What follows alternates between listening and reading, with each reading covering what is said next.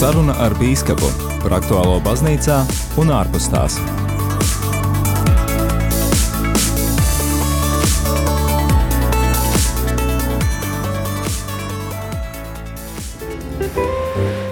Dārgo radio klausītāji, Kristus ir augšām cēlies. Patiesi augšām cēlies. Prieks šeit radio Marijas studijā ikmēneša raidījumā saruna ar bīskapu sveicināt bīskapu Andri Kravali. Paldies, ka atradāt laiku, lai šodien būtu kopā ar radio klausītājiem, un es ceru arī, lai atbildētu uz tiem jautājumiem, kuri šobrīd eh, klausītājiem ir svarīgi. Paldies par šo iespēju.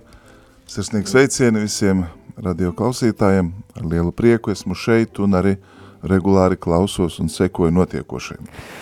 Paldies! Mums ir vairākas tēmas, kurām mēs cerams paspēsim pieskarties šī raidījuma laikā. Nu jau kārtējā nedēļa lieldienu liturģiskajā laikā, un tādēļ parunāsim par to, kā kvalitatīvāk un dziļāk šo laiku savā dzīvē piedzīvot. Parunāsim arī par godināmā bīskapa Boļeslava Sloskāna nozīmi baznīcas dzīvē, jo vakar apritē 40 gadi kopš godināmais bīskaps Boļeslavs Sloskāns ir devies mūžībā. Šajā raidījumā arī pieskarsimies ģimenes gada tēmai, atceroties, ka pāvests Francisks 19 martā izsludināja ģimenei veltītu gadu, pieminot piecus gadus kopš ir izdota pāvesta Franciska enciklika Amoris Leticie. Runāsim arī par aicinājumiem un labā gana svētdienu, kas mums vēl ir priekšā. Un vēlos arī raidījuma ievadā atgādināt, ka arī tu klausītāji vari kļūt par šī raidījuma veidotāju un Ja tev ir kāds jautājums bīskapam Andrim par to, kas šobrīd baznīcā ir aktuāls, tad iesaisties ēterā, kontaktinformācija ir šāda. Ja vēlies rakstīt īziņu, tad numurs ir 266 77 272.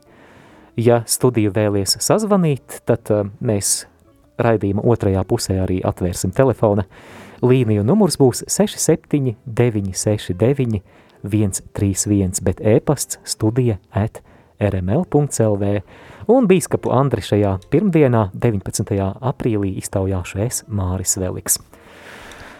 Ekscelence, sāksim ar lieldienu laiku. Manuprāt, ļoti skaista un priecīga tēma. Varbūt tāds personisks jautājums, kā šogad Marijas Magdalēnas draudzē nosvinējāt Kristus augšām celšanās svētkus? Paldies par šo jautājumu. Vienmēr prieks dalīties ar to, ko mēs dzīvojam un ko daram ikdienā. Un Dievs svētīja mūsu lieldienu vigīliju ar eh, desmit jaunkristītajiem, pieaugušajiem, pēc tam arī lieldienu nedēļā bija daži bērni, un eh, priecājos, ka arī šī lieldienu vigīlija bija kādiem 15 eh, cilvēkiem pirmās svētās komunijas diena. Brīnišķīgi. Tas nozīmē, ka pirms tam ir bijusi sagatavošana, pirms tam ir bijuši sadarbināto kursi, un pat šonedēļ mums nedēļas izskaņā jau ir divas laulības, no šiem jaunajiem cilvēkiem, tad, tad negribos, lai klausītājiem būtu iespējas, ka to lielos nē, bet es gribu teikt, ka baznīca turpina savu sūtību, cilvēki turpina meklēt Dievu, un baznīcā mūsu draudzēs ir mazliet savādāk, bet nekas nav apstājies. Tāpat gan dažādas evanģelizācijas formas, veidi, lūkšanu grupas, tas viss turpinās. Mums tāds liels notikums draudzē bija, Mēs svinējam vienu gadu, kopš katru vakaru pulcējamies uh, online Zoom programmā uz vakara lūkšanu 22. un tas kļuvis jau par tādu svētīgu paradumu, kur ir ne tikai meditācijas, kur ne tikai ir skaistas svētbildes, kas palīdz lūgties, bet cilvēki pieslēdzās ne tikai no draudzes, bet arī no visas Latvijas, pat no ārzemēm, lūdzās kopā un izsaka savas lūkšanas, uh, Tur gan ir bērni, gan vecā gada gājumu cilvēki, tur ir vīrieši, sievietes, ģimenes, kas kopā lūdzās. Un eh, tā ir skaista iniciatīva, kur jau tad ir viens gads, kopš tā pastāv. Tad, eh, Kā šai iniciatīvai mūsu klausītāji varētu pieslēgties? Protams, ja jūs eh, gaidāt. Jā, mēs pat nevēlamies nevienu autorizēt, pilnīgi visiem tas ir atvērts tīkls un pietiek iedraudzes mājas lapā, Tur eh, Google kalendārā ir adresīte katru vakaru rožu kroņa lūkšanu, un uz tās nospiežot jūs būsiet tiešsaite ar visiem pārējiem lūdzējiem, varēsiet eh, lūgties, izteikt savu vajadzību, pat tāda moderācija nav nepieciešama, visi respektē, viens lūdzās, kāds atbild un ir laiks, kad izsaka lūkšanas. Tad skaists notikums, kas iezīmēja šo vienu gadu, bija tāda rožu kroņa koka nu, pasvētīšana, restaurācija, renovācija un mūsu draudzē pie vienas sānu kolonas, kā altāris, ir šis 15 noslēpumu koks, kur centrā ir Marija, bet kurai apkārtā tad ir šie rožu kroņa noslēpumi. Kad šis darbs tapa, tie bija vēl 15, tagad jau ir 20, bet tas ir tāds izcils jā, trīs darbs. rožu kroņa trīs daļas. rožu kroņa mm -hmm. daļas, jā.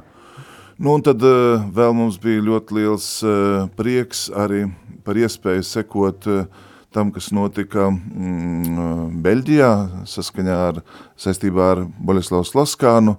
Arī tur bija daudz cilvēku, kas uh, tiešsaitē uh, ņēma dalību šajā konferencē, kas bija vakardien, kas par, par ko parunāsim Jā, vēlāk. Noteikti. Un vēl, nu, ja mēs tā skatāmies uz priekšu, tad es gribu iepriecināt eh, ar eh, skaistu ziņu par jaunu grāmatu, par eh, Ivaru Graudiņu, Levi Ivaru Graudiņu, un šī grāmata iznāks, un tās atvēršanas svētki būs šo sestdien, 24.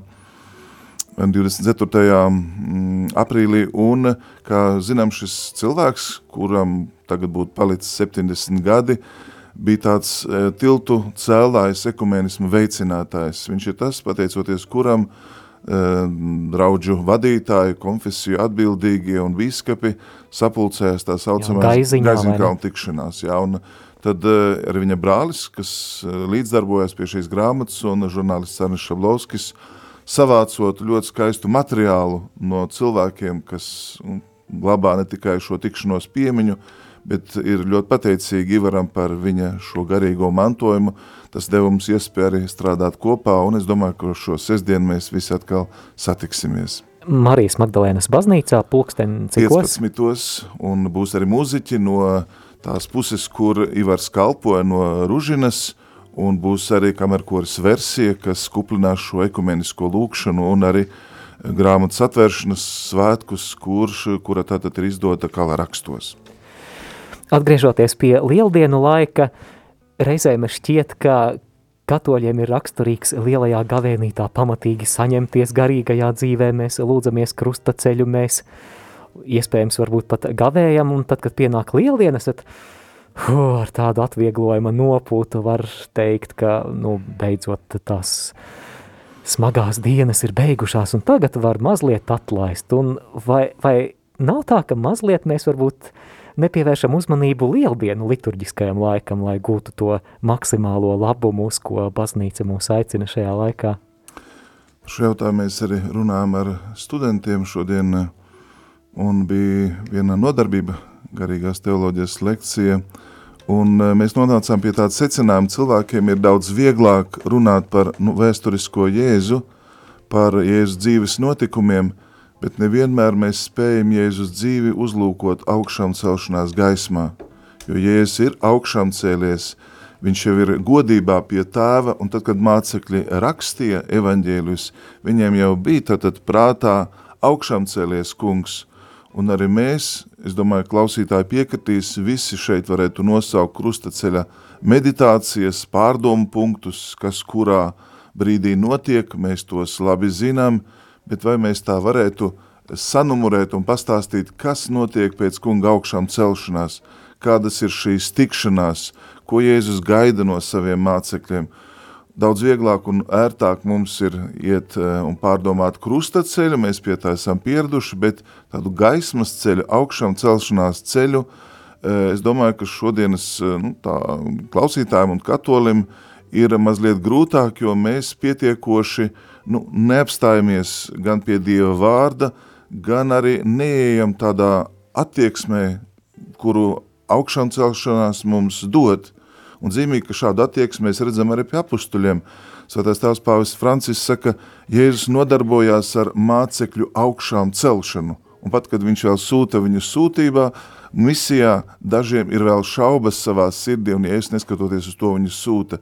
Jā, tad... arī apustulim Pēterim pie Galilējas ezera vēl trīskārt ir jāpliecina savu mīlestība kungam, kas kaut kādā ziņā arī tāda kā garīga augšām celšana viņa dzīvē. Jā, un tāpēc varbūt tas uh, uzdevums, kas mūs ir šajā liturģiskā laikā, protams, kas ir īpašs laiks, pateicības svētku laiks, ir tiešām vairāk iet un kļūt par augšām celtā liecinieku. Es vienkārši atsaucos uz vakardienas liturģiju vismaz trīs reizes tiek atkārtots vārds esiet mani liecinieki, jūs liecināsiet. Patiesībā katru svēto misi mēs taču atkārtom šos vārdus, mēs vēstīsim par tavu nāvi, kungs, un liecināsim par tavu augšām celšanos. Un šī liecība ir kaut kas ļoti būtisks un svarīgs. Un manuprāt, vēl ir svarīgi uh, arī apstāties pie tām e, zīmēm, e, pāvestiņas nosauc par dāvanām, ko mēs saņemam ar Kristus augšām celšanos. Jau tas kādas, ir, kādas? Tas ir? Pirmkārt, ja es ar lielu, tā var teikt, neatlaidību katru reizi satiekot mācekļus, sievietes, satiekot apustuļus, saka, miers jums. Tad tā ir miera dāvana.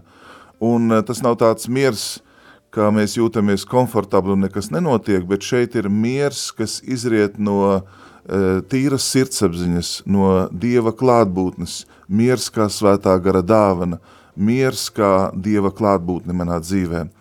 Otra dāvana, un tas nav nekas jauns, bet e, to mēs arī redzam, un arī pāvests pavisam nesen to atgādināja, ko Jēzus dod apustuļiem. Viņš saka, saņemiet svēto garu, un svētais gars tiek dāvāts, lai viņi piedotu grēkus. Tad šis laiks īpašā veidā ir izlīkšanas, pateicības, prieka laiks, kad mēs esam dziedināti no grēka, no ļaunuma un esam aicināti to svinēt, priecāties par bezgalīgo Dieva žālsirdību. Pagājuši nedēļu mēs svinējam žālsirdības svētkus, bet es domāju, ka nav pietiekoši ar vieniem svētkiem gadā. Paldies Dievam, mums ir gan uh, Ehm, žālsirdības svētbilde, mums ir žālsirdības kronītes, mums ir citas formas, mums ir dievnami Dieva žālsirdībai, kas to atgādina. Pāvests pavisam nesen bija izsludinājis tātad žālsirdības gadu, lai mēs vairāk iedziļinātos šī žālsirdības dāvanā. Un trešais, lai cik tas nebūtu neparasti, kā dāvana pāvests saka, tās ir e, brūces, kuras e, Jēzus atklāja, parāda, pat vēl vairāk viņš aicina uh, tomu pieskarties un pārliecināties. Un mm, pāvests eh, nāk no jezuītu ordeņa, un eh, šim ordenim brūcis rētas, brūcis, mm, ja tā var teikt, eh, to garīgā nozīme ir kaut kas ļoti, ļoti svarīgs, jo tieši tās ieraugot mācekļi kļuva priecīgi. Tieši caur viņa brūcēm mēs tiekam dziedināti un saņemam pestīšanu. Un tāpēc tā arī ir brīnišķīga dāvana – Un, ja tu man jautātu, nu, kāda tad attieksme būtu jāieņem šī laikā, es Labi, domāju, jautāšu. es domāju, ka mums ir jāmācās priecāties. Priecāties. Priecāties Vai tad par... katolim nav jābūt vienmēr noskumušam? Jā, jā. un to tieši pagājušajā svētdienā pāvests arī atgādināja, viņš sacīja, mums pietrūkst prieka, varbūt tāpēc, ka mūsos nav lūkšanu eļas, varbūt tāpēc, ka mēs neesam pietiekoši liecinieki vai mūsu sirdis nedeg. Ja mēs paskatāmies šīs tikšanās, piemēram, Emausa mācekļi, tad viņu sirdis iedegās no kā? Tāpēc, ka Jēzus skaidro rakstus, bet viņi vēl neizmaina dzīvi, viņi turpina ceļu uz mājām. Un tikai tad, laužot maizi, kad jau ir vakars, un tad, tad tas arī ir skaists darbs un uzdevums lasīt, pārdomāt, apcerēt svētos rakstus, bet tas nav tikai cilvēku uzdevums, bet, kā vakar lasījām evaņģēlē, Dievs pats atver izpratni uz uh, svētiem rakstiem, uz tiem vārdiem, kas ir doti. Un tādā veidā mēs ieraugam, ja tā var teikt, to um, nu, pestīšanas gaismu, panorāmu pilnīgi ar citu izpratni. Un, uh, manuprāt, ja mūsos ir šī augšām celšanās uh, ticība, tad arī mūsos vairs nav šaubu, bāžu, nemiera, tad mēs vairs, ja tā var teikt, uh, ne, nekrītam bezcerībā vai, vai, vai mēs, um, tā var teikt, nu, neprunājam, piemēram, mēs daudz vieglāk valdām par savām maņām, kas mums ir dotas spējām, un vairāk esam nu, tiešām Dieva valstības liecinieki. Jā, Bīskap Andri, man vēl par šo lieldienu tēmu ir jautājums, ja klausītāji šajā lieldienu liturģiskajā laikā dodas uz dievnamu uz svēto misi, uh, kādiem tādiem īpašiem lieldienu laika simboliem varētu pievērst uzmanību, ar ko tā lieldienu laika liturģija ir atšķirīga, varbūt tādā tīri vizuālā veidā vai kas būtu tās lietiņas? Pirmkārt jau, protams, baltā liturģiskā krāsa. Otkārt noteikti lieldienu svece, kas vienmēr tiek aizdegta. Tad, protams, arī nu, Kristus figūra, kas atgādina, kas vienmēr ir uz altāra, kas atgādina, nu, skatieties uz augšu, tad, tad um, esiet atzimuši no nemirstīgā vārda un esiet aicināti tad, tad uh, meklēt to, kas ir augšā, kur Kristus ir augšā un cēlies un sēž godībā. Tad, protams, uh, svēto rakstu teksti, kas īpašā veidā izvēlas no svētajiem rakstiem visus tos notikumus, situācijas, kas labāk izgaismo augšām celšanos. Un zīmīgais, piemēram, mēs lasām kopš vairākām dienām par Nikodēmu, tad arī saruna ar Nikodēmu kļūst mums saprotamāka, jo tas, ko Jēzus saka Nikodēmam, tu redzēsi, ja ticēsi, tad, tad atzimt no augšas, visu to mēs jau augšām celtā spēkā saprotam, zinām, ticam, un tādā veidā šie notikumi tiek uzlūkoti jau nu, tādā citā gaismā. Man eh, vienmēr šķiet ļoti skaisti, ka lieldienu laikā arī pirmais lasījums ir no apustuļu darbu grāmatas, mm. kur jau ir runa par Jēzus augšām, cēl, augšām celšanos pieredzējušajiem apustuļiem. Tas ļoti svarīgi, ko tu saki, jo eh, vienā brīdī pēc eh, augšām celšanās, kad jau Jēzus ir uzkāpis pie sava tēva godībā, mācekļi saka, mēs – kungs ir ar baznīcu, kungs atklājās caur pirmo kopienu, un tieši tad, tad baznīca mācekļi ir tie, kas e, izdzīvo šo prieku un reizē viņi ienes pasaulē.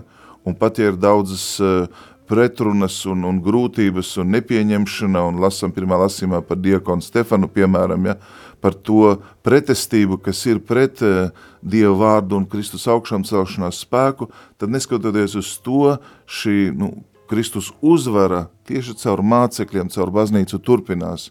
Un tāpēc eh, nu, lasīt apustļu darbus nozīmē iet šajā pamat attieksmē, kas mācekļiem bija pēc viņa augšām celšanos.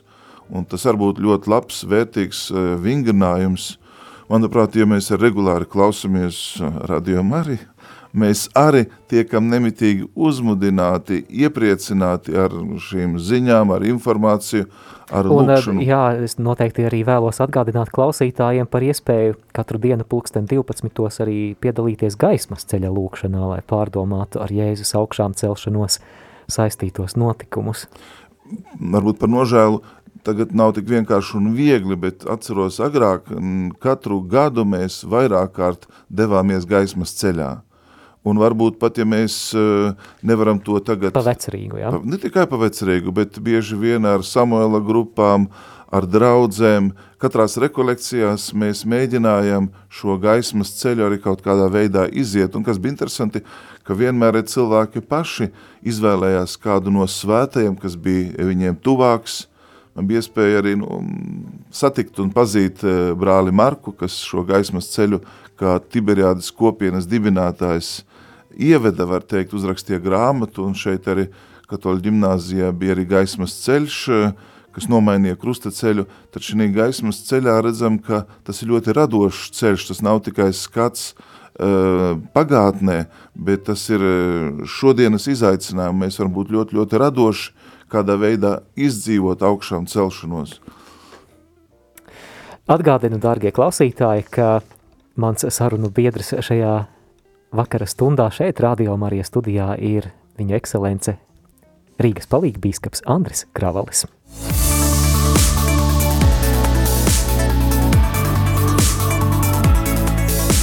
Saruna ar bīskapu par aktuālo baznīcā un ārpus tās.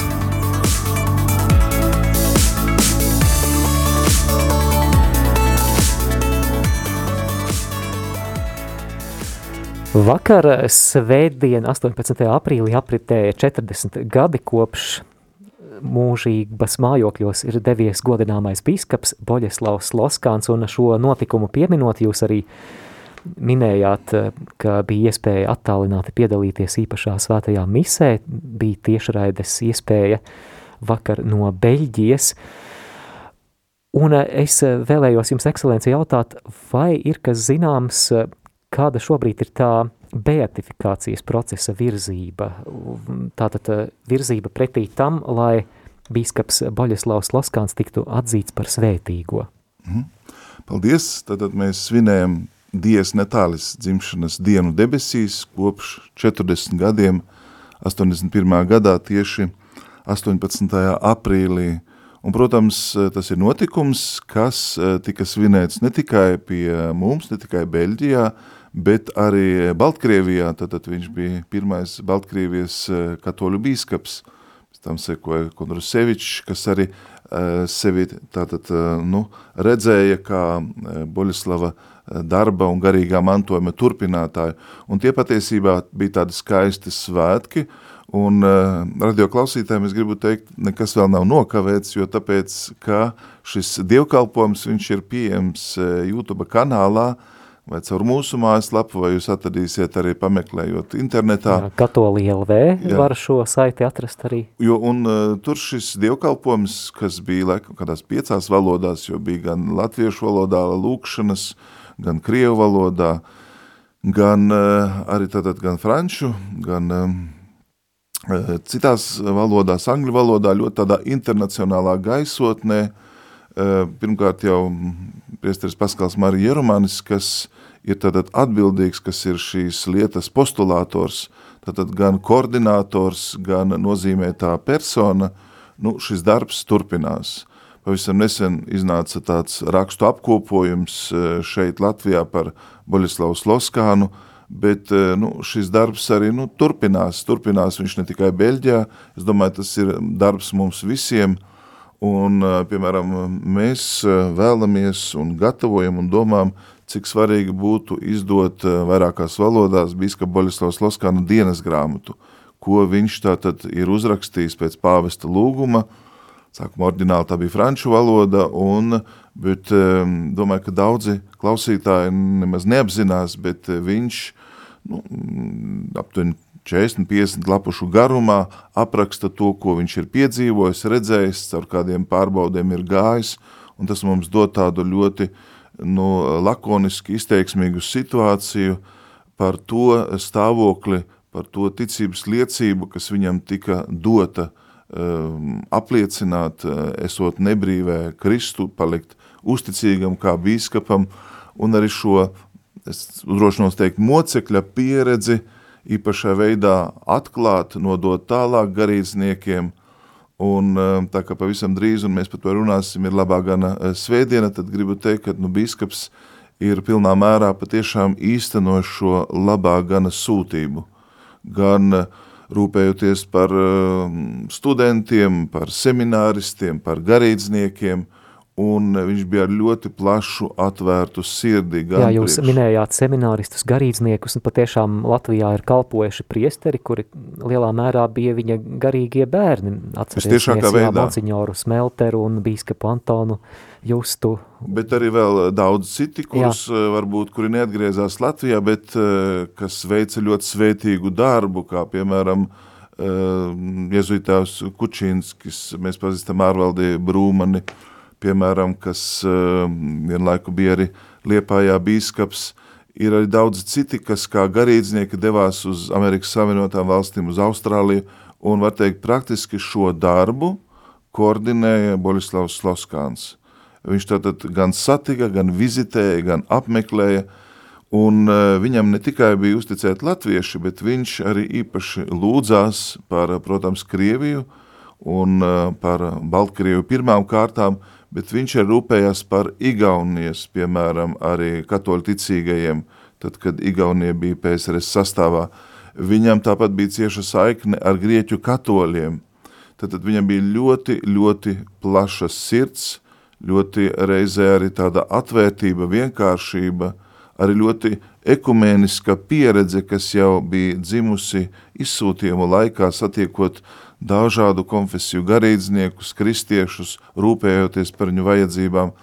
Tad, tad nenoliedzami eh, Borislavs Sloskāns, ja tā var teikt, stāv mums priekšā kā tāds eh, paraugs mobe, modelis labā gana tēls, eh, no kura mums vajadzētu daudz mācīties un kura aizbildniecību vajadzētu arī lūgt daudzās dažādās situācijās un, ja man ir ļauts mazliet atsaucoties uz viņa aiziešanu, tad ir saglabājušās liecības, un īpaši šeit klostermāsa Agnese arī, kas bija klāt, apliecina par to, ka, nu, dziedot uh, salve Regina, uh, patiesībā viņš iegā mūžība kā, kā svētais, kas jau ticībā redzēja to mūžīgās dzīves dāvanu, kas stāv viņam priekšā, un šajos pēdējos mirkļos, kad viņš tā kā atmodās no tādas sava veida komas, ar eh, lūkšanu jaunajai Marijai, tu žēlīgā un laipnā jaunā Marija, viņš iegā tēva mājās. Un visi, kas bija nu, liecinieki notikušajiem, nevarēja palikt vienaldzīgi. Tas tā viņiem bija ļoti izteiksmīga un skaista liecība. Tāpēc, eh, manuprāt, eh, mums draudzēs ir svarīgi apzināties, ka viņa tikuma varonība jau ir atzīta, viņš stāv tiešām, ja tā var teikt, šī pēdējā sliekšņa priekšā, un tāpēc lūkšana caur viņa aizbildniecību, vēršoties pie Dieva, caur viņa starpniecību, un arī viņa godināšanas, ja tā var teikt, kults, kurš ir ļoti svarīgs, jo tādā veidā mēs viņu iepazīstam, mēs eh, viņu redzam kā vienu latviešu tautas dēlu, ne tikai priekš Latvijas, bet eh, visai katoliskai baznīcai, mēs ar viņu varam lepoties, Un tāpēc... Um, Jā, man šķiet, uh, ekscelenci, zīmīgi arī par šo tēmu runāt šeit, šajā ēkā, kur šobrīd ir Radio Marijas studija, bet uh, kur savulaik staigāja pats bīskaps Boļeslavs Loskāns kā garīgā semināra garīgais tēvs. Un arī tāpēc mēs arī lūdzām, lai šeit ir viena iela, kas ved uz šeieni, Boļeslavs Loskāna godam,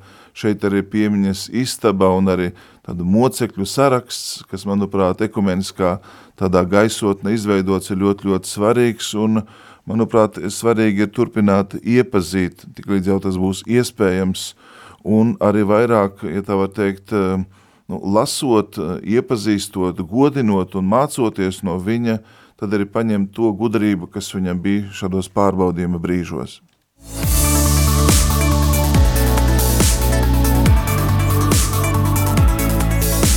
Saruna ar bīskapu par aktuālo baznīcā un ārpus tās.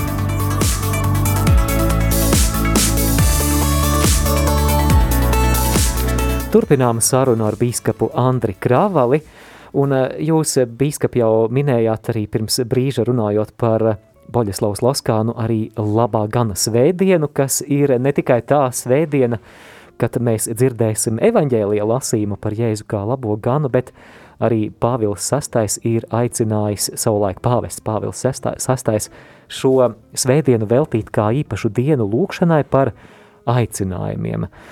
Varbūt eh, jūsu komentārs, un jā, jāatgādina arī klausītājiem, ka tas jau ir šonedēļ, vai ne, svētdiena, vai? Un tā būs 58. reize. 58. Tātad šī svētdiena, mm. kas mums tā priekšā, tātad eh, šī Ceturtā gavēņa laika svētdiena, labā gana svētdiena. Liel, lieldienu svētdiena. Lieldienu svētdiena, jā. jā. Un kopš 1964. gada tāda tiek svinēta. Un es ļoti, ļoti tā iesaku novēlu iepazīties ar vēstījumu, kas jau 19. martā Jāzepa svētkos patiesībā no pāvesta bija uzrakstīts. Tas ir arī kā tāds rezumējums pieejams eh, Vatikāna radio mājaslapā un domāju, ka viņš pilnā mērā arī būs iztulkots līdz svētdienai. Tādu kā nelielu reklāmiņu šim pāvesta vēstījumam varbūt varat tā koncentrēti pastāstīt, ko tad pāvests aicina šajā vēstījumā? Manuprāt, mēs varbūt pietiekoši vēl neesam nu, integrējuši pāvestā teikto, vai tas būtu audiencēs, vai tas būtu kunga eņģelī, vai tas būtu svētdienas dievkalpojumos, un arī ik pa brīdim ir tādas dienas, Piemēram, nu, slimnieku diena, mēs zinām, ka ir vēstījums, piemēram, šeit aktuāli jums, tā ir um, mediju diena saistībā ar Francisku no Salles, un uh, tāda diena ir aicinājuma diena, un katru gadu ir kāds vēstījums, kādi akcenti, un tiešām pāvis Francisks tādā izcilā veidā ļoti vienkārši saprotami, pedagoģiski un uh, izprotami uh, iedot atslēgas eh, tādus vārdus un patiesības. Un eh, šogad šis vēstījums satur tādus trīs vārdus – sapņi, kalpošana un uzticība. Un, lai labāk nu, īstenotu šo, šo izpratni par šīm tādām pamattēmām, kas ir dziļi bibliskas, viņš kā tādu ceļa biedri ņem svēto Jāzepu. Un atgādināšu, ka ir vēl joprojām Jāzeps svētais kā gada aizbildnis, protams, kopā ar svēto ģimeni, bet Jāzeps nekur nav paslēpies, un tieši Jāzeps ir tāds, kas sapņo, tāds, kuram ir sapņi, kas satiekas ar Dievu sapņos, kas tieši caur sapņiem saņem svarīgus norādījumus. Un tieši tāpēc pāvis saka, runāt par aicinājumiem, mums svarīgi ir, ka mums ir sapņi, mums ir vīzija, mums ir redzējums, un um, tas ir sava veida Dieva piedāvājums, kuru Jāzeps paklausībā un ticībā pieņem un īsteno. Un tieši tāpēc visa viņa dzīve ir kā tāda nesautīga kalpošana svētai ģimenei. Viņš sevi īsteno, tā var teikt, ne ar izcilām runām, ar vārdiem, ar kaut kādiem projektiem, bet šajā pazemīgā kalpošanā, nu, saskaņā ar Kristus teikto, kas grib būt lielākais, lai ir visu kalps. Un pāvesta kalpu, sētā Jāzepa kalpošana, ko pāvests īpaši izceļ, tad ir ļoti svarīga, lai nu, izšķirtu aicinājumus, lai sagatavotos šim, šim kalpojumam, un tas ir ļoti svarīgs tāds kristīgās dzīves aspekts. Un visbeidzot, šis trešais aspekts – uzticība, lai kalpošana nestu augļus – tā ir balstīta uzticība, un par Jāzepu tiek teikts, ka viņš bija dievbīgs, uzticīgs vīrs, ka viņš bija e, ticībā nu, paklausīgs. Jā, mēs arī litānijā lūdzam uzticīgais Dieva kalps, Jā. kā, kā viens no tituliem. Un tad, tad nu, patiesībā šīs trīs e, jomas, šīs trīs e, sfēras tiek izskaidrotas, un nu, šis vēstījums tādā veidā, manuprāt, var iedrošināt jauniešus, bet šeit eh, runāt par aicinājumu nevajadzētu tik apstāties pie jauniešiem, jo mēs zinām, ka seminārā Dievs arī, arī var runāt ne tikai uz jauniem. Un es domāju, Dievs arī runā uz ģimenēm, uz tēviem un mātēm, kas varbūt savā lūkšanā jau ir aicināti būt atvērti, novēlēt savus bērnus Dievam, lūgt šo žēlastību. Katrā ziņā nu, mūsu ģimenes gadījumā mans eh, krustāvs Antons Boldāns tieši kristībā mūsu katru kristības brīdī, būdams krustāvs, bija veltījis ne tikai Dievam, jo kristība jau ir veltīšana Dievam, bet viņš bija lūdzis konkrētu žēlastību, nu, lai viņi saņem šo aicinājuma dāvanu. Tad redziet, cik... Lūkšanas uzklausītas. Jā, tiešām, un trīskārši uzklausīt jā. manos brāļos, un priekš manis tā bija liecība, un es arī tā apbrīnoju eh, savā krustāva delikātumu, ka viņš nekad to neteica pa priekšu, viņš to man pateica pēc ordinācijas, viņš to mm, bija nesis mm -hmm. kā tādu vēstījumu, un viņš redzēja nu, šī, šī viņa lūkšanas piepildījumu. Man liekas, nekas nav skaistāks, jo eh, tad, kad cilvēks atrod uh, un izvēlas to aicinājumu, kas nāk no augšas, kas ir kā Dieva dāvana, patiesībā nav nekas skaistāks par to. Un tāpēc uh, palīdziet arī garīdzniekiem, ja tā var teikt, uh, izteikt un izdzīvot to aicinājumu skaistumu, jo nu, tas ir uh, neatkārtojams un brīnišķīgs, un mēs varbūt bieži vien redzam nu, nogurušus priesterus, aizņemtus priesterus, un pilnā mērā nepazīstam to svētīgo dzīvi, ko Dievs dāvā aicinot. Un uh, gribu atsaukt atmiņā, ko svētais Jānis Bosko saka. Viņš saka, katram trešajam, tas bija tie viņa vārdi, no jauniešiem ir aicinājums. Tikai par nožēlu viņi varbūt to pazaudē, viņi par to nerūpējās, vai nav cilvēki, kas uh, to atgādina vai pasaka. Un tāpēc aicinājumi pastorāli, kas ir īpaši, ja tā var teikt, nu, rūpju bērns visiem biskupiem, biskupu konferencē, tieši tāpēc tiek nozīmēti gan atbildīgi priesteri, priesteru grupas, ir dažādas aicinājuma iniciatīvas, un es pat ievēroju, ka mieram tuvu arvien biežāk svētdienas lūkšanā ir viens nodoms par aicinājumiem. Mēs saprotam, ka nu, mūsu baznīcas nākotne ir ļoti saistīta ar Dievvārda kalpiem. Paldies Dievam, ka mums ir misionāri, bet eh, nekas nevar veikt šo misiju mūsu vietā.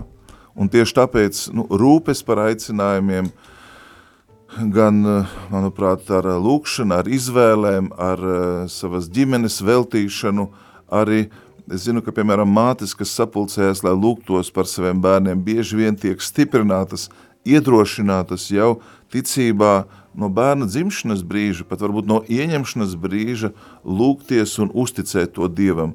Un svētos rakstos ir daudz tādu skaistu piemēru, lēmumu, kur mātes, kur vecāki jau ir iekšēji nu, veltījuši bērnus Dievam. Kā, kā ir, ja, ja bērns nevēlas kļūt par priesteri, bet ja vecāki spiež? Nu, manuprāt, kļūt par priesteri tas nav eh, cilvēka izvēles auglis. Viņš var iet un mēģināt, bet uh, Dievs ir tas, kas aicina, baznīca palīdz izšķirt viņa aicinājumu, nobriest. Es domāju, ka dažreiz ir bijuši pat gadījumi, kad cilvēks varbūt aiziet iepazīt, vēl nepazīdams savu aicinājumu, bet esot šajā vidē, viņš to atklāja, viņš to iepazīt, vai kāds varbūt piemērs no, no garīdznieka vai dievam veltīta cilvēka viņu ir uzrunājis, tad nu, aicinājumi ceļi ir tik uh, plaši, bet es domāju, ka nu, nekas baznīcā nav ar piespiešanu tādā Jā. nozīmē. Man ir jautājums, jūsuprāt, seminā, ne, kļūdījos ministrantu kalpojumam, cik būtu liela nozīme šajā aicinājuma atpazīšanas veicināšanā? Nu, tam ir izšķirošā nozīme, es teikšu. Un, Jā. piemēram, bet arī ne tikai, piemēram, es zinu situāciju Francijā, puse no priesteriem, kas ir kļūši un kļūst par priesteriem, ir, piemēram, saistīti ar skautu kustību. Tātad skautisms, kas palīdz iepazīt dabu, kas iedod izpratni par uh, par um, kultūru, par ķermeni, par valodu, par dabu, par draudzību, īstenībā kļūst par labu skolu. Un bieži vien, uh, manuprāt, jauniešiem ir nu, jāpiedāvā gan nometnes, gan uh, kādi uh, formācijas un aicinājuma iepazīšanas kursi. Pirms kādu laiku, tas vēl bija iespējams, es biju Polijā Elkas diecēzes seminārā. Es biju pārsteigts tur katru nedēļu no vienas diecēzes, eh, piedodiet, ne diecēzes, bet dekanāta eh, var ierasties jaunieši, būt uz vakara dievkalpojumu, satikt kādu no atbildīgiem, paēst eh, vakariņas, uzdot jautājumus un pastaigāties pa semināru.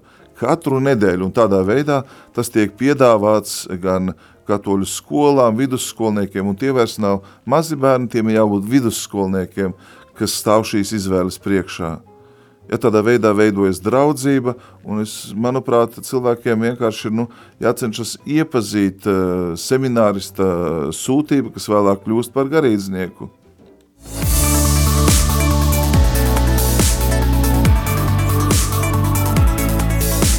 Saruna ar bīskapu par aktuālo baznīcā un ārpus tās.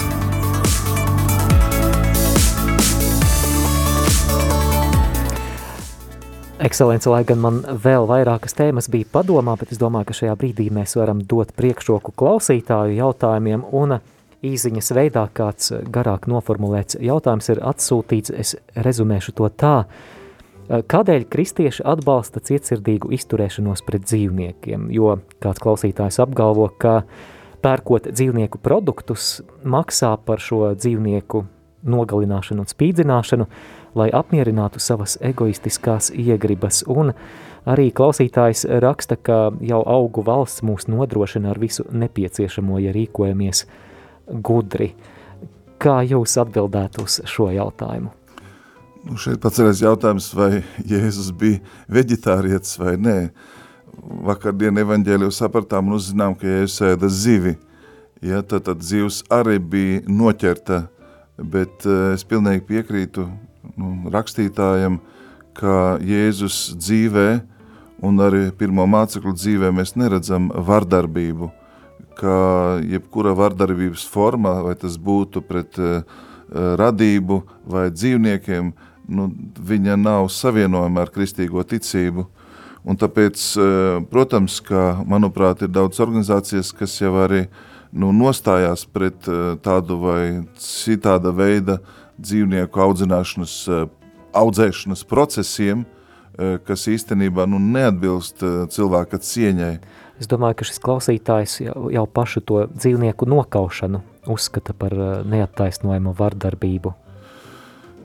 Nu, cilvēkam radīšanas stāstā zinām, ka tiek uzticēts ne tikai pārvaldīt, bet rūpēties, būt atbildīgam, un šis atbildības jautājums ir ļoti, ļoti svarīgs.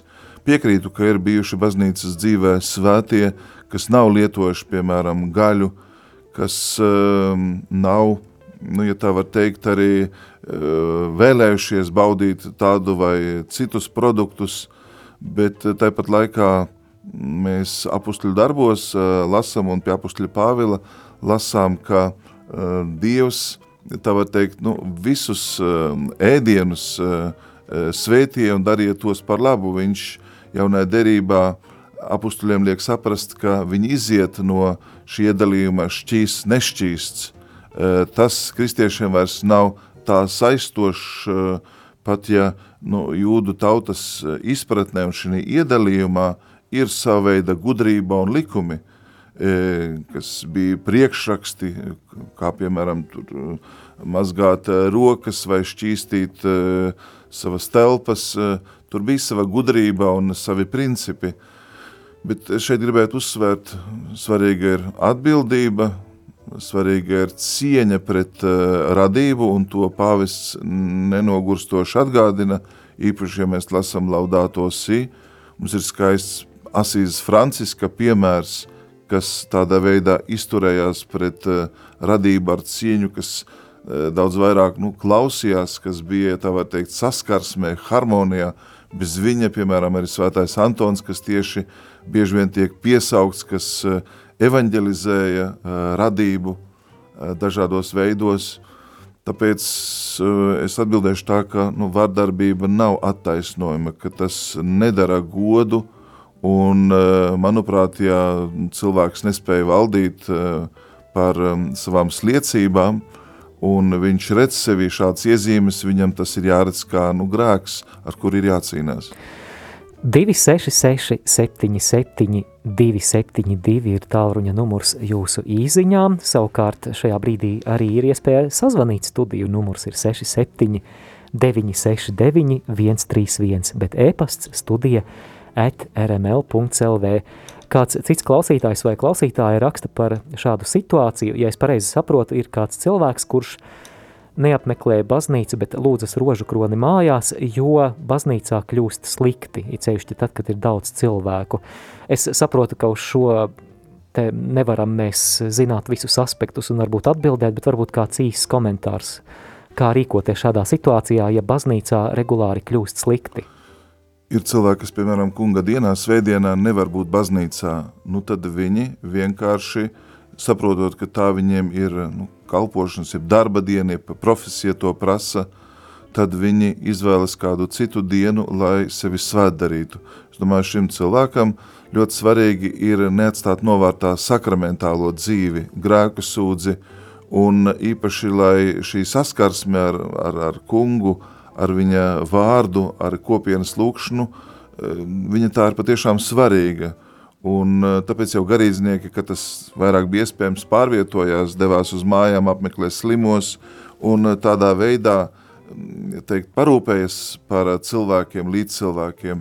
Bet es ļoti pamudinātu šo cilvēku, ja tāda iespēja, varbūt kāds pastāvīgais diekons var atnest svēto komuniju, ja mm, tā ir tikai tāda psiholoģiska problēma, tad varbūt to ir iespējams risināt, būt kādā citā baznīcas vietā, vai iet un pieņemt sakramentu, vai noklausīties eh, dievkalpojumu tiešsaitē, bet eh, noteikti nevajadzētu tikai aprobežoties ar savām privātām lūkšanām, jo baznīca uh, Eh, un īpaši dievišķā liturģija ir tā vieta, kur Dievs sevi atklāja, kur Dievs runā uz cilvēku sirdīm, kur Dievs arī vēlas tevi satikt. Eh, ja mēs izvēlamies lūkšanas un tās lūdzam, eh, nav slikti, mēs atveramies Dievam, bet es teikšu, ka dievkalpojums ir vieta, kur Dievs tevi vēlas satikt, kur viņš grib tevi palīdzēt, tevi satvert. Jā, paldies, dārgo klausītāji. Vēl kādas 11 minūtes tavā rīcībā, vēl vari paspēt piezvanīt vai uzrakstīt savu jautājumu. Bet, eh, kamēr klausītāju jautājumu nav, tad, eh, ekscelence, jautāšu par ģimenes gadu. Pieminot piecus gadus kopš pāvesta Franciska enciklikas Amoris Leticija jeb mīlestības līksme publicēšanas, šī gada 19. martā, nu, tātad pavisam nesen baznīcā pāvests Francisks izsludināja ģimenei veltītu gadu. Vai jau ir domāts, kā šo gadu atzīmēt Latvijā? Nu, manuprāt, ļoti būtiski ir uh, izlasīt, cik tas ir iespējams kopīgi pārdomāt uh, to, kas ir rakstīts šajā enciklikā, mīlestības līksme. Un latviski tā ir izdota. Jā, protams, protams. Mēs arī uh, laulātiem pāriem viņu dāvinam kā tādu dzīves uh, programmu. Viņa arī tiek, ja tā var teikt, vairāk analizēta un skatīta dažādās kustībās, kad cilvēki, piemēram, diamātas komandās iet šo kalpošanas ceļu citiem pāriem, tad tas būtu kā uh, nepieciešamā rokas grāmata, lai iegūtu nu, instrumentus, pastorālo gudrību, lai labāk saprastu baznīcas uh, domu un aicinājumu. Un tur patiešām ir uh, nodaļas, kas ir ļoti, ļoti aktuālas par uh, nezinu, par um, dažādiem savstarpēju attiecību jautājumiem, piemēram, tiek runāts pat par erotiku tieši Dieva vārda gaismā. Tur ir jautājumi, kā risināt krīzi, tur ir jautājumi, e, ko darīt ar pāriem, kas, piemēram, nevar iet pie e, sakramenta, kāda būtu viņu pastorāli, viņu iesaistīšanas iespēja. Un tas patiesībā ir tāds ļoti nu, vērtīgs, svarīgs dokuments tieši ģimenēm vai laulātiem pāriem, kas gatavojas dib, dibināt ģimeni un arī pastorāliem darbiniekiem. Un eh, tāpēc varbūt pirmais, kā mēs vislabāk visi kopā varētu darīt, ir izlasīt šo baznīcas dokumentu pirmkārt. Otkārt arī padomāt, kāds ir tas veids, kā jūsu draudzē tiek sagatavotas jaunās ģimenes.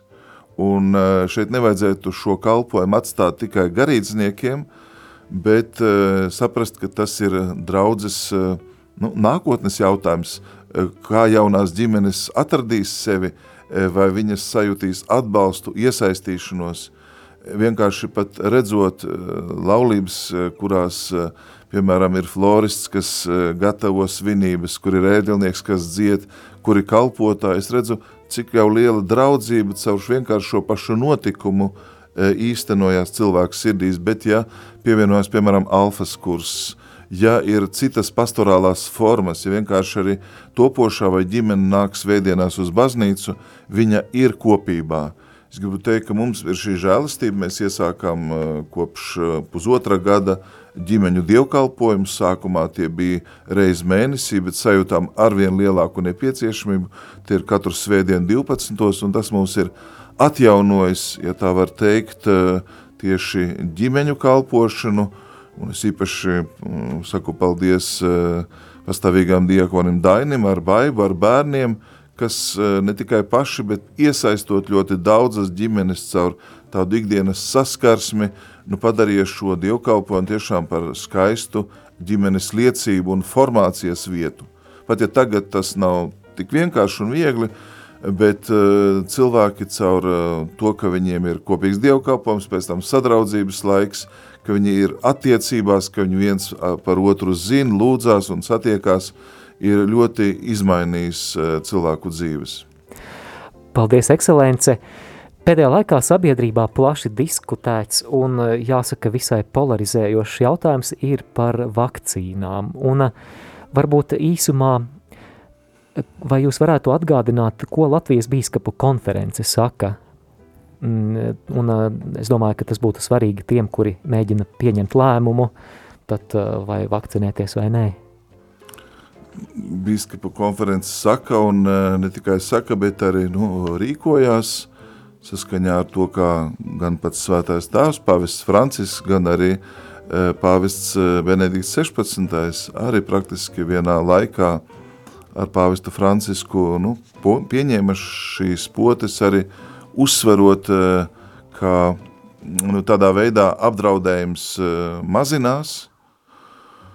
Protams, es arī saprotu tos cilvēkus, kam ir eh, bažas, aizspriedumi, un tāpēc, ka ir daudz nezināmā, bet nu, mums svarīgi ir tā var teikt, iziet no krīzes situācijas. Mēs esam tādā situācijā, kur, kurā prasa kādus konkrētus lēmumus un risinājumus. Un piekrītu, ka ir vēl daudz varbūt nezināmā un nav bijis daudz laika, lai sagatavotos šai krīzes situācijai. To mēs analizēsim vēl. Tāpat laikā vakcīnas nav ticības jautājums, tas nav pestīšanas jautājums tiešā, ja tā var teikt, tādā nu, atbildībā. Tāpēc arī tiek nu, atstāta šī, šī brīvība. Es domāju, baznīca arī iebilstu, ja pēkšņi vakcinācija kļūtu par, ja tā var teikt, piespiedu procedūru. Svarīgi respektēt katra cilvēka izvēles brīvību, un manuprāt, nu, šis viedoklis jau sabiedrē ir klātesošs, bet tāpat laikā atsevišķās situācijās mums ir jābūt atbildīgiem par tiem, kas mums ir uzticēti, un, piemēram, mēs redzam, kas ir noticis ar vienu pansionātu, kur šīs vakcīnas netika piedāvātas, un tas radīja lielu rezonanci pie mūsu ticības brāļiem citā konfesijā, tad, tad redzam, ka nu, tā arī tā, tas robežojas ar neizdarību, ar atbildības trūkumu un varbūt nu, nepietiekošu tādu nu, atbildību, kas cilvēkiem ir uzticēta. Un mums ir arī zvans ēterā, lūdzu. Kristus augšām cēlies. Patiesi. Man ir tās jautājums, man ir 90 gadi, un ziniet, es domāju tā, nu, mēs visu darīsim paši, mēs staigāsim maskās, mēs ieturēsim distanci, mēs potiesimies, bet mēs nekritīsim ceļos un neteiksim, kungs, esi mums žēlīgs. Un es tā domāju, kamēr mēs visi tā kā potēsimies, tā kā maskās staigāsim, kamēr mēs nenokritīsim ceļos, visi, kā viens, kas potējās un kas staigā maskās, es pati esmu katru dienu no uz baznīcu. Un es domāju, ja mēs nekritīsim ceļos, nekas mums nebūs. A, mēs lieli, mēs paši to varam, mēs to darīsim, mēs to darīsim, tikai uz baznīcu mēs neiesim. Mēs nekritīsim ceļos, mēs esam lepni, priekš kam tam mums vajag, mēs varam paši. Un man ir 90 gadi, es esmu no Kristus karaļa graudzes Genovefa. Un es domāju, nu kā var šitā nepaļauties uz Dieva žēlastību, bet uz sevi. Es potiešos, ai uz baznīcu es neiešu. A, kāpēc es gribu slavēt Jā. Dievu? Es eju katru dienu, Dievs, cik tu esi žēlīgs, ka tu man dod tādu žēlastību, ka es varu aiziet katru dienu ar savām kājām uz baznīcu. Un ko tad vēl man vajag? Kāda pote mani glābs, ja man nežēlos mani Dievs? Nu, kāpēc mēs nekritīsim visi ceļos? Nu, kāpēc mēs nelūksim Dievs, nesatīsim krūtīs, kā mēs latgalieši sakam, Dievs esi mums griesniekiem žēlīgs. O to mums vajag iepotēt, o to mums visiem vajag iepotēt. Es brīnos, neviens par to nerunā, visiem tik potiesimies, potiesimies, Jā. un tā pote mūs glāb. Mīļš, paldies Lūdzu, jums par komentāru. Jā, tad jautājumu. bīskap uh, Andri, tad uh, kas būtu jums sakāms par, par klausītājs šo uh, Esmu par jums lielā sajūsmā, Genovas kundze. es domāju, jūs ļoti labi pateicāt, tur nav nekādu komentāru. Un e, ne jau pote glābi, e, glāb mūs pestītājs Jēzus Kristus. Dievs ir nācis mūs glābt, bet e, nu, Dievs arī ir devis pilnvaras ārstiem, un ārstiem ir daudz cildinošu vārdu vecajā derībā, un tāpēc arī viņiem ir viņu kompetence, autoritāte, zinātne nedrīkst būt pretunā ar ticību, tāpat laikā arī mums nu, nav jāizver acis, bet to, ko jūs tik labi pateicāt, pazemība pievelk Dieva žēlastību. Dievs pretojas augstprātīgiem un lepnajiem, un, protams, ka ne jau pote pasargā, bet Dievs uh, var mūs pasargā, un ar visām potēm mēs varam saslimt un varam arī nomirt, un uh, nu, ne, ne, ne, ne cil, uz cilvēcisku gudrību un uh, potes spēku mēs paļaujamies, bet uz uh, mūsu kungu Jēzu Kristu, kas ir dzīvības valdnieks, kas ir uzvarējis nāvi, un uh, cienījumā Ganof, jūs to tik labi arī šodien mums atgādināt un pateicāt. Paldies jums! Paldies klausītājiem, paldies arī jums, ekscelence, par šo kopā būšanu Radio Marija ēterā un raidījuma noslēgumā. Es esmu pārliecināts, ka klausītāji gribētu no jums saņemt arī svētību. Paldies par šo iespēju. Mums bija vēl viens jautājums, ko mēs darām biskapu konferencē. Jā, labi, vēl dažas minūtes. Tad es vienkārši jā. noslēgšu ar vienu uh, lūkšanu par atbrīvošanu no pandēmijas un siržu atgriešanos. Un šis nāk uh, no uh, viena biskapa, kuru mēs arī biskapa konferencē mm, nu, saka, ak akceptējam šo lūkšanu, arī uh, kopīgi caurskatījām, uh, un viņa iztulkota latviski, un mēs eh, varbūt tā būtu atbilda un iedrošinājums eh, visiem, kas uzdod jautājumu par potēm. Uz tevi, visvarenais un žālsirdīgais kungs, mēs vēršam savu lūkšanu. Attāli no mums grēku, caur kuru pasaulē ienāca nāve. Velc pie sevis mūsu sirdis un atbrīva mūs no pandēmijas, kas nospiež mūs un tik daudzus mūsu brāļus un māsas – Atgriez mums satikšanās prieku, darba nogurumu, drošību par dzīvi, kas nekad nebeidzas. Atjauno mūsos slāpes un prieku par izlīgšanas un euharisties sakramentiem. Palīdzi mums būt tiem, kuri cieš, dziedini mūsu slimos, īpaši palīdzi mūsu jauniešiem un viņu ģimenēm, ļauj visiem tevi pazīt tēvu radītāju, tavu dēlu pestītāju un svēto garu iepriecinātāju caur svētākās Marijas un svētā Jāzepa un svētās ģimenes un baznīcas aizbildņu aizlūgumiem dāvā mums drīz šo žēlastību, kuru tev lūdzam bērnu paļāvībā caur Kristu mūsu kungu. Āmen. Amen. Dievs kungs, lai ir ar jums, kungs ir ar tevi, lai kunga vārds ir slavēts no šī laika un mūžīgi. Mūsu palīdzība ir kunga vārdā, kas ir radījis debesis un zemi. Un lai jūs visus sveitī visvarenais un žēlsirdīgais Dievs tēvs, un dēls un svētais gars. Āmen. Slavēsim kungu. Pateicība Dievam. Studijā bija Rīgas palīgbīskaps Andris Kravalis un ar viņu sarunājos es Māris Veliks. Izskanēja raidījums Saruna ar bīskapu par aktuālo baznīcā un ārpus tās.